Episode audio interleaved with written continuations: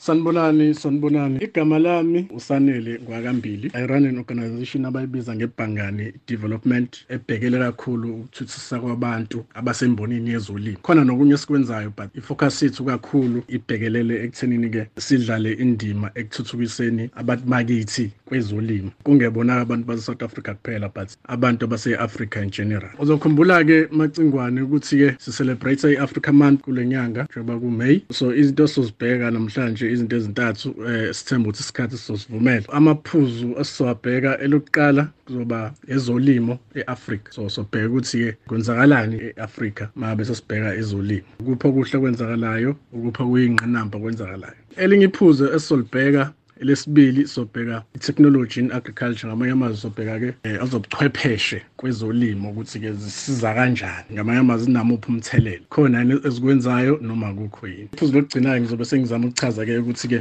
ibhangani le eh, ibhangani development yiphi ke indima eyidlalayo kwezolimo nanokuthi ke yiphi into efuna ukuyi-achieve? Eh masibheka iphuzu lokuqala sibheka nje ezolimo in Africa i think into efike ekhanda kumina nje kuqala mangabe sikhuluma ngezolimo kwi-Africa ukuthi ke indaba ama-imports sinalo challenge ama-imports. Ama-industries amaningi kwezolimo eh i-challenge yabe enkulu kuba kuba ama-imports ngamanye amazwi. Imikhiqizo leyezolimo ephuma ngaphandle ize e-South Africa nanokuba lo mkhiqizo lowo sinawo e-South Africa. So loo nto leyo igcine siyidala ekuthenini ke umkhiqizo wethu lo usukhiqiza la ungasadayiseki. Okusho ukuthi-ke leyo mboni leyo ibe siyalimala ingasakwazi ukuthi ikhule. Mhlawumbe uma ngenza umzekelo nje singabheka umkhiqizo wey'nkukhu um kulo minyaka edlula nje kube ikhona nje inkampani enkulu ebeyikhiqiza inyama yey'nkukhu yaba nenkinga impela nje. I think yaze yavala ngisho ukuvala ngenxa yokuthi-ke ama-imports ey'nkukhu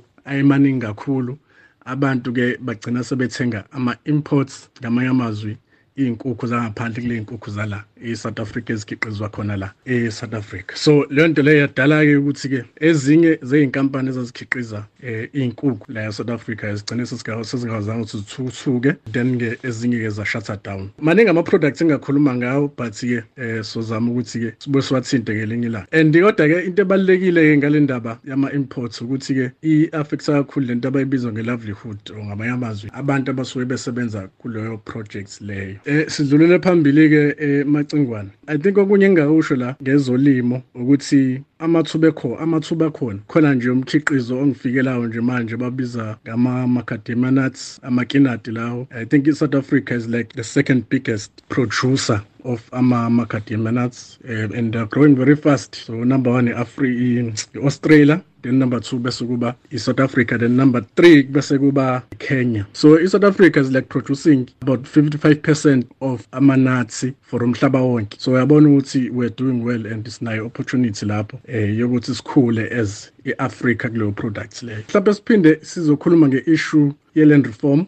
Um i-pace ehamba ngayo nayo inomthelelo omkhulu um emkhiqizweni we-agriculture South Africa or e-Africa in general. Kumanye amazwe-ke nakhona ayenza le process ye-land reform. Um nakhona futhi mhlawumbe singabuye sikubheke sibone ukuthi eh yini sigayixoxa lapho. Iphuzu lesibili indaba yezobuchwepheshe. Kwezolimo. Eyi ibaluleke kakhulu le ndaba le because ngathi siyazi sonke ukuthi umhlaba ungena or usungene kulesigaba lesi esibizwa nge-fourth industrial revolution for IR so njengoba ubona nje zonke izinto ziyashintsha um from ukuthi zenziwe manually um zenziwa ngamakhompyutha um zenziwa nge-internet seziyashesha kanjalo kanjalo. Ngathi uzokhumbula nje kade kasuka isidumo la ngendaba ye-five g ukuthi i-five g injani nani nani. Nakuthina kwezolimo indaba ye-technology idlala indima enkulu or yenza ushintsho olukhulu kakhulu. Ikakhulukazi ekwenzeni ukuthi umkhiqizo ube muhle nanokuthi-ke ube mningi nanokuthi futhi-ke ukwazi ukuthi ukhiqizeke ngendlela esheshayo because njengoba wazi ukuthi-ke e-Afrika ukudla kuyadingeka ukudla kuyashoda e-Afrika so fanele sibe nendlela zokwazi ukuthi-ke sisheshe uma ngabe senza i-production uma ngabe senza imikhiqizo. Uma ukuthi technology yakwazi ukuthi assist sikwenze lokho or sisize sikwenze lokho kufanele sijahe siyiphuthume ukuze ukwazi usisiza ukuthi sikhiqize ukudla okuningi for abantu bethu e-Afrika. Bengingenza umzekelo la eGhana. eGhana ngeminyaka edlule bebestrugglisha kakhulu in terms of production. Bekunzima ukukhiqiza kwabo. Eh mesigabheka nje la ku mhlambe ku 2010 kanje kuyale bekunzima kakhulu mangabe benza imikhiqizo. But after ke sebeqale ukuthi ba invest ngamanye amazwi bafake izimali kwi-technology. Sebezamile ukuthi bakwazi ukuthi bakhule yabo imikhiqizo abayenzayo. So isikhathi esiningi kudala bebengayisebenzisi i-technology. So manje sebe-investile kuyona sebeyaqalela bayasebenza kuyona and ama-results already sebeyawabona banama-programs abizwa nge-food security nabo-zero hunger. At some point i think ngo-2018 into ekuthiwa i-imports nje eghana eh, for umbila bebengenayo nje at all. Ngamanye amazwi bebengawuthengi ngaphandle kwamanye amazwe umbila because bebekwazile ukuthi bawukhiqize waba enough or wabanela bona as isizwe saseGhana. So lokho bakuachieve bakuzuza ngokuthi ke bakwazi ukuthi baqale ba-investe kwi-technology or ngamanye amazwi bazifakele isikhathi bafake nemali kwini? Kwi-technology kwezolimo. Mhlawumbe nje ngenza umzekelo isektor yakhona umkhiqizo wakhona ngo-2014 waku-2.9 percent wakhula waze wafika ku-8.1 percent ngo-2017 yabo? After sokuthi-ke sebe-investile kwi-technology yezolimo. Manje they, they, they contribute about 21.2 percent in terms of ilontuzana kwi-gdp yabo ezweni labo. Yabo iGhana.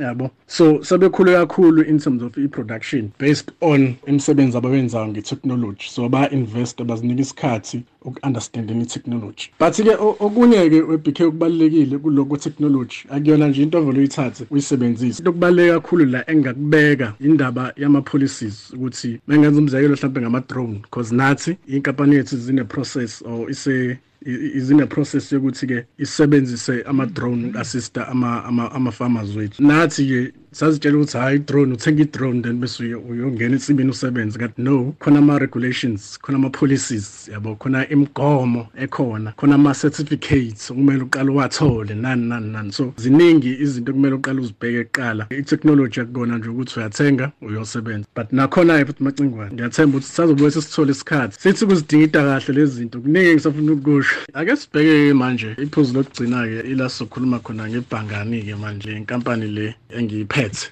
eh ukuthi yenzani ngamanye amazwi ke yini ekwenzayo ku-agriculture e-afrika eh nakhona la e-south africa? So ngizoqala ngokuthi ngichaze nje ukuthi-ke iyini ibhangane development eh ngiyaye ngithi uma ngichaza-ke ngithi i-rural development powerhouse. Eh kahle kahle uma ngikhuluma nge-powerhouse la in this case ngise ngikhuluma ngokuthi ibhangane development ayibheki i-element eyodwa or imboni eyodwa kwezolimo ngamanye amazwi industry eyodwa kwezolimo. Sibheka ama-industries ahlukene.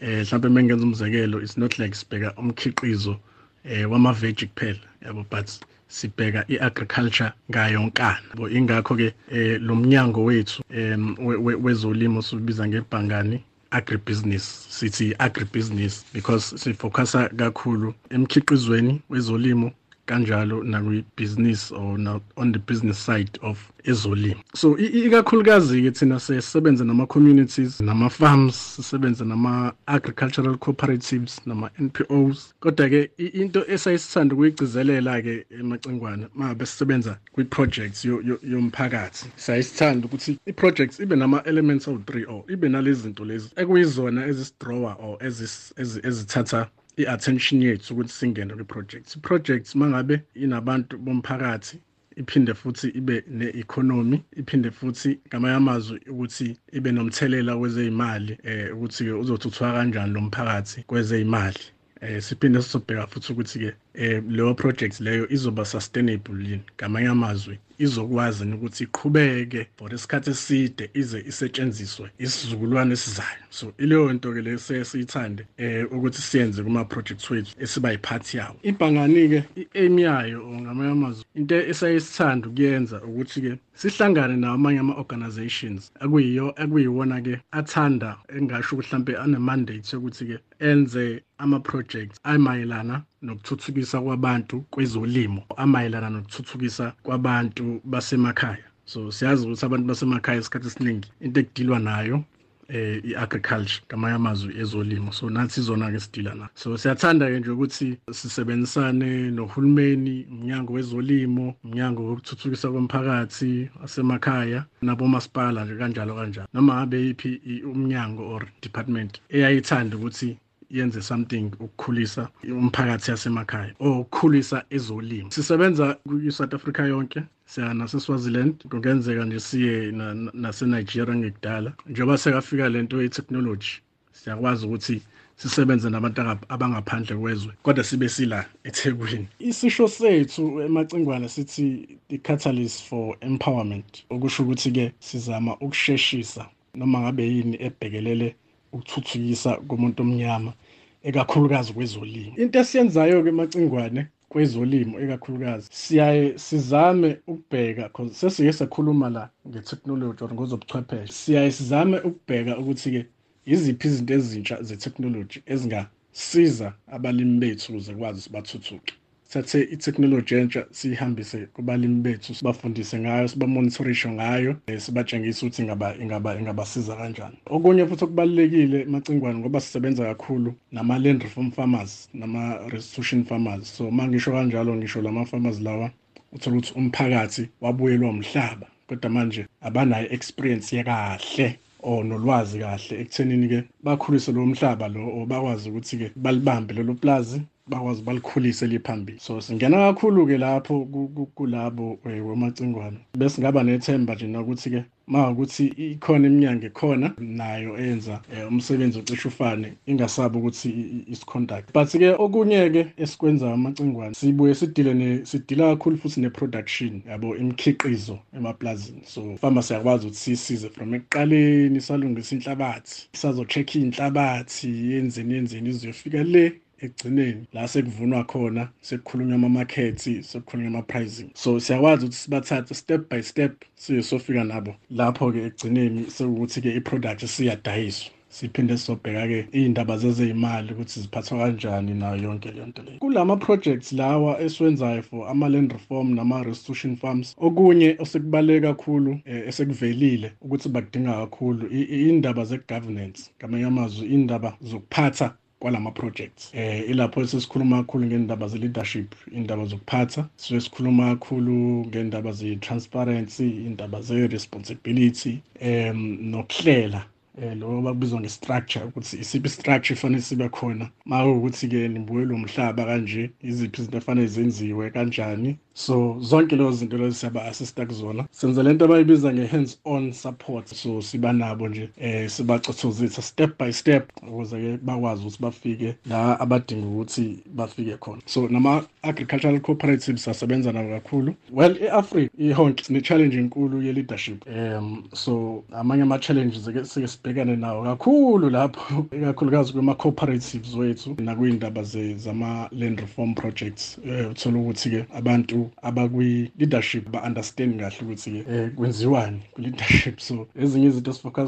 efocusa kuzona kakhulu um kuningi-ke nokunye esikwenzayo amacingwane ngicathi-ke or abalaleli bangabheka kuwebsayithi yethu ebizwa ngebhangani co za so www bangani co za ningasikhontacta ku-073 686 4546 073 6864546 or ningasithinta kwi-email ethi info at bangani co za info at bangani co za kuningi bengisafuna ukusho amacingwane asithembe ukuthi sizobuye silithole futhi ithuba sikwazi ukuthi siyikhulume sabonga kakhulu macingwane thank you.